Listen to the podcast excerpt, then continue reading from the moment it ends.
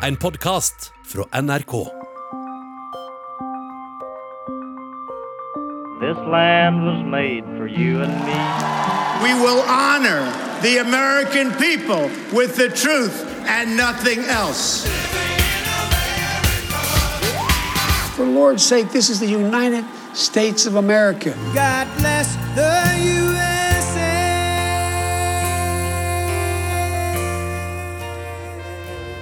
Hvordan skal det gå med de unge i USA? De som er under 30, opplever allerede den andre økonomiske krisa i sin levetid. De heldigste betaler millioner for å skaffe seg høyere utdanning. my privilege allows me the freedom to be mostly unaffected by issues, both political and social. For andre begynner den amerikanske drømmen å ligne stadig mer på et mareritt. I feel like I'm taking everything day by day. And, um, you know, there's just so many things to fight for and to fight against. Du hører på Krig og fred i Amerika med Tove Bjørgaas.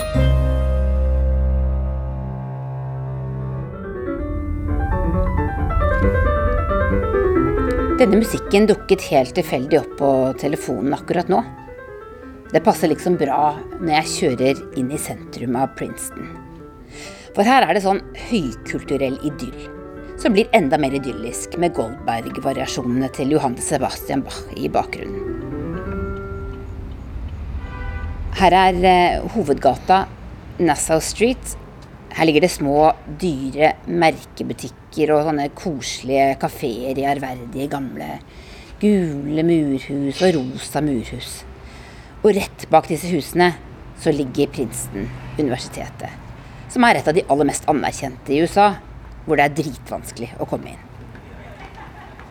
Jeg skal møte en jeg egentlig kjenner ganske godt. Hun heter Chloé, og jeg har fulgt henne siden hun var liten, fordi hun er datteren til noen gode venner av meg i Washington. Det er noen ting jeg opplever at det er litt tabu å snakke om her i USA. Og en av dem er de store forskjellene på folk. Hvor mye man tjener. Hvordan man har havnet der man har havnet. Hvordan man kom inn på Princeton. Slike ting. Men jeg har forberedt Chloé på at jeg vil snakke om det også. Hello. Hi. How are you? Good to see you. Vi møtes utenfor et superlekkert fransk konditori. So what's good here? My dad always comes here when he's in town, and like he always invites me here so we can like split a dessert, or he can get me a dessert, but he just. My name is Chloe Searchinger. I am 20 years old, and we are currently on the campus of Princeton University. So, what do you study? So, I am studying um, in the School of Public International Affairs with certificates, kind of our equivalent of minors in global health policy. I've known you since you were about Yeah. like nine years old. I think so, yeah, eight or nine. and I've followed you through uh, your school and and sort of to college. And Yeah. and uh, and you grew up. Where did you grow up? So I grew up in a suburb of Washington D.C. called Tacoma Park, um, a very liberal suburb. Um, people kind of joke, jokingly refer to it as the land of the Prius. There are a lot of electric cars. Um, yeah, so so right outside of D.C. in Maryland. And then what schools did you go to? So I went to the Potomac School, which is a K through 12 independent school in McLean, Virginia, from second grade to senior year. A private school. A private school, yes. Um, and then I came here to Princeton University as an undergrad. How difficult it is to get into Princeton? Um, so Princeton, it's definitely really difficult to get in. I think our acceptance rate is currently around 6% or 5%. It's a school that a lot of students want to apply to. It's definitely kind of um, a lot of its departments um, and fields kind of lead, uh, are kind of leaders in their nation, in the nation, um, and a lot of international students also apply. So, How did how did you? uh, Were, were you just really really smart? So, no, I mean, full disclosure, um, my, well, my, so my dad is a faculty member here. Um, he teaches here. He teaches here. Um, he's a research scholar and he teaches part time. Um, and so I guess kind of, I guess that could be perceived. That's definitely some sort of connection to get in. How does that help? Um, I mean, I don't really know, like formally. I mean, kind of the admission. It's all no, nothing is public. Um, it's all kind of, I guess, what goes on behind closed doors. How much does it cost to stay here a year? Tuition is around $40,000, uh, a little more than $40,000 a year, and then with room and board um, between 60 and $70,000 annually. But Princeton is actually, um, I think, the lead the leader in financial aid in the U.S. Um, so all of the applicants are, and this is not something that is like universal in American schools, but um, schools like Princeton that have really large endowments um, are able to view applicants need blind, so they don't, you know, evaluate your family's ability to pay. How are you paying for this? So my parents are paying for me. Um, yeah, and but that's pretty normal in the U.S., right? The expectation in the U.S. is that you find a way to pay for it on your own, and so a lot of families in the U.S. plan for this.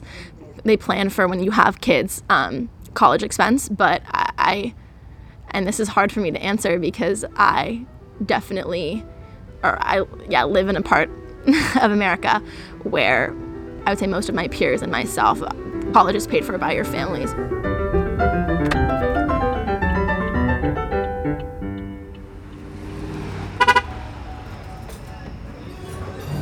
Uh, my name is Christian Hernandez. I'm a native of Dallas, Texas. Uh, I'm 30 years old. Um, I'm a member of the Democratic Socialists of America. Det er ganske langt fra idylliske Princeton i New Jersey nord for New York til en kafé like ved et sånt gigantisk motorveikryss i Dallas i Texas. Her skal jeg møte Christian, som faktisk kan være et jentenavn.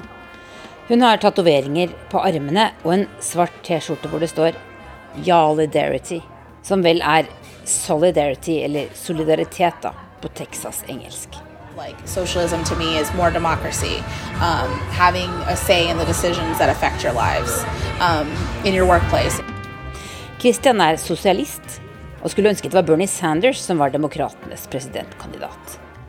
Hun er også aktivist, og prisen på utdanning er en av sakene hun er mest opptatt av. Christians foreldre kom en gang hit fra Mexico, og de er verken professorer eller spesielt velstående.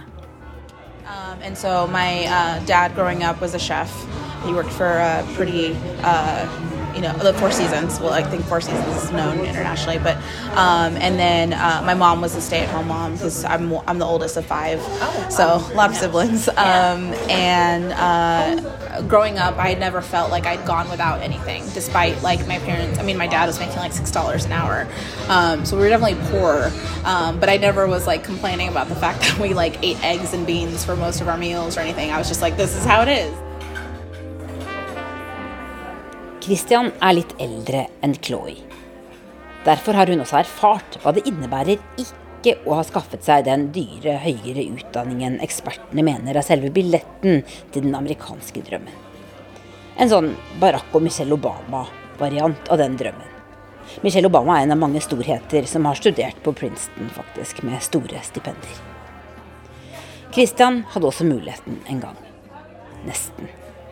Da hun gikk i sjette klasse, ble hun oppdaget av en lærer og fikk dekket skolegang på en dyr privatskole i Dallas.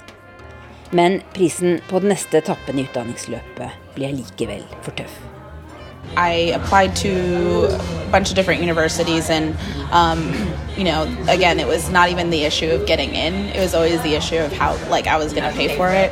Um, so I ended up going to SMU, which is a local university. Right. Um. Uh, Southern Methodist University. Um, and I was only able to go for two years because, again, the whole thing there is that my parents couldn't afford anything. I would work during the summer just to pay for my books. Um, so any like amount of money that the school wasn't willing to cover, like we had no way of paying for it really. So you had to take loans too then? yeah, I took out loans, and even even then, after two years, I just wasn't able to continue. Det ble for dyrt å studere.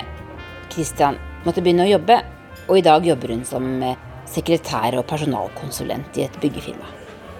um, thankfully, like all of my experiences with all that stuff um, was were really helpful to my younger siblings, and so all of them were able to go to college and graduated. A lot more scholarships. Um, I think also like just uh, knowing like when to apply for certain things, um, how to how to bargain with the financial aid office.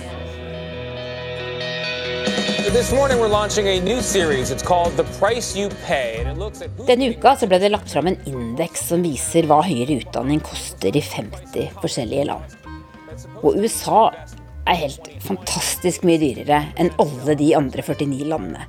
Faktisk så ligger USA 800% over mediannivået, altså midtnivået, for resten av landet når det gjelder prisen på ett års høyere utdanning. we wanted to find out why. Er det bra nå? Ok, Ja, okay. Nå er ikke kameraet på. Er veldig bra. Du, høyere utdanning i USA er 800% dyrere enn medianprisen for utdanning i alle land i undersøkelsen. Det er jo et helt sinnssykt tall. Ja, det er helt sinnssykt tall. Nå er nok medianen er nok ganske nær eh, er nok ganske nær null, altså. Eh, Så, så det betyr Men allikevel er er det et høyt tall. Og, og dette vil også være en måte å ta inn igjen uh, tapen i forbindelse med koronakrisen, altså. Ja, akkurat, ja. Ja, ikke sant? Ja. Så jeg tipper at universitetene, universitetene har tapt mye penger. Ja. Så, derfor, så derfor så vil de gjøre hva de kan for å øke tuition. Jeg heter Kalle Mone. eh, Jeg er professor på en økonomisk institutt, eh, Universitetet i Oslo. Jeg jobber med problemstillinger knyttet til ulikhet og utvikling både i rike og fattige land. Jeg har snakka med flere unge som studerer, som forteller at de betaler eh, ja, borti et par millioner kroner for en fireårs universitetsutdannelse. Eh, Og at ofte er det foreldrene som, som må stille opp og betale dette her. Hva, hva, hva gjør det med et samfunn når det er så dyrt med utdanning? Det betyr at sosial mobilitet eh, blir veldig lav. Det som blir framstilt som den amerikanske drømmen, er på en måte det som ordet sier. Det er en drøm som ikke er en virkelighet. Eh, Når en har stor ulikhet eh, mellom grupper og individer i et samfunn, så forsterkes dette dersom det er slik at du må betale høye skolepenger, altså studieavgifter på de kostbare universitetene. Som er, det er mye mye mer kostbart, som du nevnte, enn enn det vi kjenner til fra europeiske forhold. Når når må betale mye for å komme ut av den situasjonen en er i, så kommer en ikke ut. For en har ikke de midlene som skal til. Det er vanskelig å låne til utdanning. Det går nesten ikke an. Det er ikke noe sikkerhet en kan tilby når en skal låne til utdanning. Og når en skal betale dyre skolepenger, så blir det utdanning for de som allerede har midler i familien. Og det bare forsterker forskjellene. Og det forhindrer sosial mobilitet. Betyr det at det, sånn samfunnsøkonomisk så ville det vært veldig fornuftig å for eksempel innføre subsidiert utdanning, ettergivelse av studielån, den type ting, sånn som Bernie Sanders har snakka om? Ja, det tror jeg absolutt. Eh, Jeg må forvente det at talentene er eh, likt fordelt over hele eh, inntektsskalaen betinget av foreldrenes inntekt. At det er like mye talenter som er der som det er andre steder.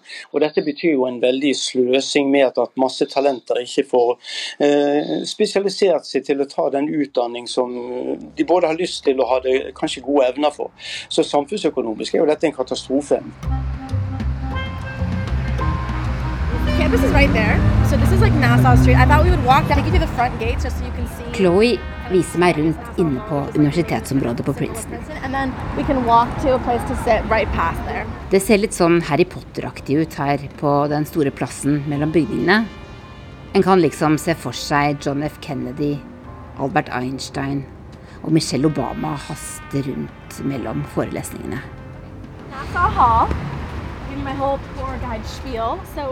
Relativt sett er det mye dyrere å studere her nå enn det var for noen tiår siden. For prisen på utdanning har eksplodert i USA de siste tiårene. I takt med både inntektsforskjellene og utsiktene til faste, trygge jobber. Det er nettopp det som gjør at framtida til Chloes generasjon er i fare. Hun vet at hun er en av de virkelig heldige, selv om hun jobbet knallhardt på videregående for å komme inn her. Og hun kommer ikke engang fra en steinrik familie bare fra en i den øvre middelklassen som har råd til å betale skolepengene. You're not one of the richest Yeah. people in America. No, no, I'm not. Um, I it's I think really hard and uncomfortable to talk about like economic status. I think that something that the current discussions about diversity and the importance of diversity lack almost are our discussions about socioeconomics. I think it is taboo to talk about. I, I think that interesting because in Norway, uh, for instance, it's pretty common to tell people how much you paid for your house. Or Yeah. Oh, absolutely not. Absolutely not. Um, yeah, I think that there is a lot of uh, fear of, of coming across as too privileged just because of, of I guess, kind of how, how divided uh, our country currently is. What, what does the me- term privilege mean? Well, definitely a hard question to answer. Um, privilege means that you don't have to think about certain issues on a daily basis. So you don't have to think about, like, I am a white woman, upper middle class woman in Amer- living in America. So that means that on a daily basis, I don't have to think about how I'm perceived based on my race. I don't have to worry about where I'm going to find my next meal or um, how I'm going to support my family. And um, as heartbroken as I was, and as disturbed as I was by you know Trump's Trump's election, in reality, I kind of I, I recognized in the wake of it, you know, because there had been so much hype about how the world was going to end when once he was elected. But you know, I, I soon realized that bec- because of, of my of who I am, of my identity, like I, I was going to be largely un- untouched by by the policies that he enacted and by by his leadership. You were going to be okay. I was going to be okay. D- Is this something you think about every day or talk to your friends about here? privilege yeah i think for sure i mean i think that i think it's complicated i think that when you're a student at princeton regardless of your financial background there's a, a feeling of privilege to be able to attend an institution that provides you with you know incredible resources incredible mentors incredible peer peers um, A really important network for the future. Exactly an important network for the future i mean re- realistically like the the prestige of a dipl- of a diploma that you know will probably help you or will help you in your career search later in life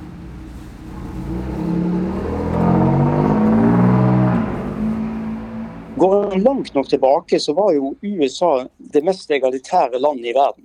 Nå snakker vi gå tilbake til 1800-tallet, 1830, 1840, 1850. Da var eh, mulighetene veldig store for folk. Det var mye jord tilgjengelig for, eh, for folk flest. og Det betydde at det var vanskelig å presse de laveste lønningene veldig lavt. Og, og det var også eh, stor mobilisering for utdanning, så det var muligheter for alle. Drømmen om eh, eh, Den amerikanske drømmen ble kanskje etablert på det tidspunktet. Nå ble det ikke slik som drømmen sa, nemlig pga. at en ikke hadde et offentlig finansiert eh, utdanningssystem i samme grad som europeiske land. Fraværet av på en måte det som vi kaller for sosialdemokratiske eh, politiske partier i USA får bære noe av skylden for dette. At, en har aldri hatt en mobilisering av store velgergrupper bak et sånt likhetsperspektiv eh, i, i utdanning og i utviklingen av samfunnet mer generelt. Har du noe tro på at det kan komme nå med disse unge generasjonene som, som, som virkelig nå får det knalltøft med altså både å ha levd gjennom finanskrisa og nå pandemien? Ja, det, det vi er på liksom fordelingen av hva eh, forskjellige aldersgrupper stemmer ved politiske valg. Så er jo i hvert fall den andelen som stemmer eh, republikanerne blant de unge, veldig lav. Altså hvis det, hvis det, var bare de unge, de som var under 25, som skulle stemme ved dette valget, her, så hadde vi fått eh, en politikk i USA helt dominert av partiet Demokratenes eh, politiske program. Men vi må også huske at demokratene i USA de har jo skilt litt lag med vanlige folk ved at de forsvarer mye mer interessene til øvre middelklasse, sånn som ofte mm, de med de laveste lønningene i USA er fremmedgjort eh, overfor. Så eh, det er ikke noe enkelt her, men jeg vil tro at i den grad en holder på den entusiasmen for det, som det er for litt mer av eh, eh, skal si, kollektiv fornuft blant unge folk, at hvis det holder seg litt eh, over tid, så vil en få en omlegging av politikken i USA. Det går i hvert fall an å håpe. Det er faktisk noen måneder siden jeg møtte Christian Hernandez på den kafeen i Dallas i Texas. Det var helt i begynnelsen av koronapandemien. Da jobbet hun knallhardt for at Bernie Sanders skulle bli presidentkandidaten til Demokratene. Jeg lurer selvsagt veldig på hvordan det går med henne nå, og hva hun eh, tenker. Jeg skal ta og ringe henne opp igjen. Test, test, test. Ja. Der er vi på. How are you doing? Um, pretty good. Just trying to, you know, adjust to whatever this new normal is. And I, I, don't know that there will ever be a moment where I feel secure in um, what the future brings. I mean, there's no way back when we spoke that I could have predicted that a pandemic would just completely decimate the way that we even relate to each other. Um, and you know it's it's unfortunate because i also have no idea of like when this will end um, or like what an ending would look like. So th- you were able to keep your job? yes i do have to go in physically but um, uh, that's just because I, of the type of work that i do. I'm a production administrator so um, I, I help with uh, it's, and it's a construction company and so construction is considered an essential industry. Um, so i unfortunately am not able to do that type of work from home. However i'm really grateful that i'm that part of my life has been largely unaffected which i think is is is part of the reason i've i even feel um uh like I, I have any sanity left Do you think um, that what's happened with the pandemic and everything is just going to make the, the inequality within your generation even greater?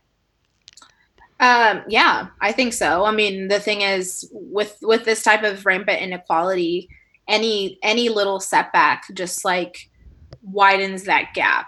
Um, any any missed paycheck widens that gap.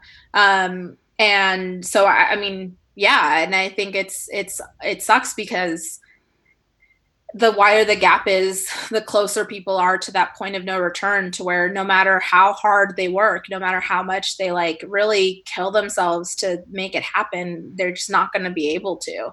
Um, and and you know, I think that's that's where um, we we can't count on like individuals sort of pulling themselves up by their bootstraps but actually have collective solutions and why we have to fight for for healthcare and um you know that the so I- government pays for, right? Yeah.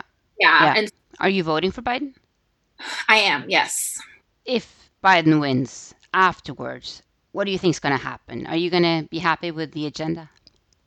Um, definitely not. um, but I think that it it sets the organizing conditions that are more favorable that than a um, Trump administration. Um, I can't say that um, a Biden administration would be uh, not hostile to uh, demands and to um, you know these these these popular policies that I support and um, that you know people like me support on the left. Um, but I think that um, it's way more um, favorable for us to have to contend with pressuring a Biden administration. I I think that there are a lot more people who support what Bernie Sanders proposes, you know, free free college and, and free healthcare. Like who who doesn't who doesn't want that? And and I think I'm definitely more aligned with with that camp than most people. But but I think that it's like the institutions in the US that make that like unrealistic at least in the near future given how divided and partisan um, our government is Du har hørt Krig og fred i Amerika, en podkast fra NRK Urix. Lydregien var ved Lisbeth Sellereite.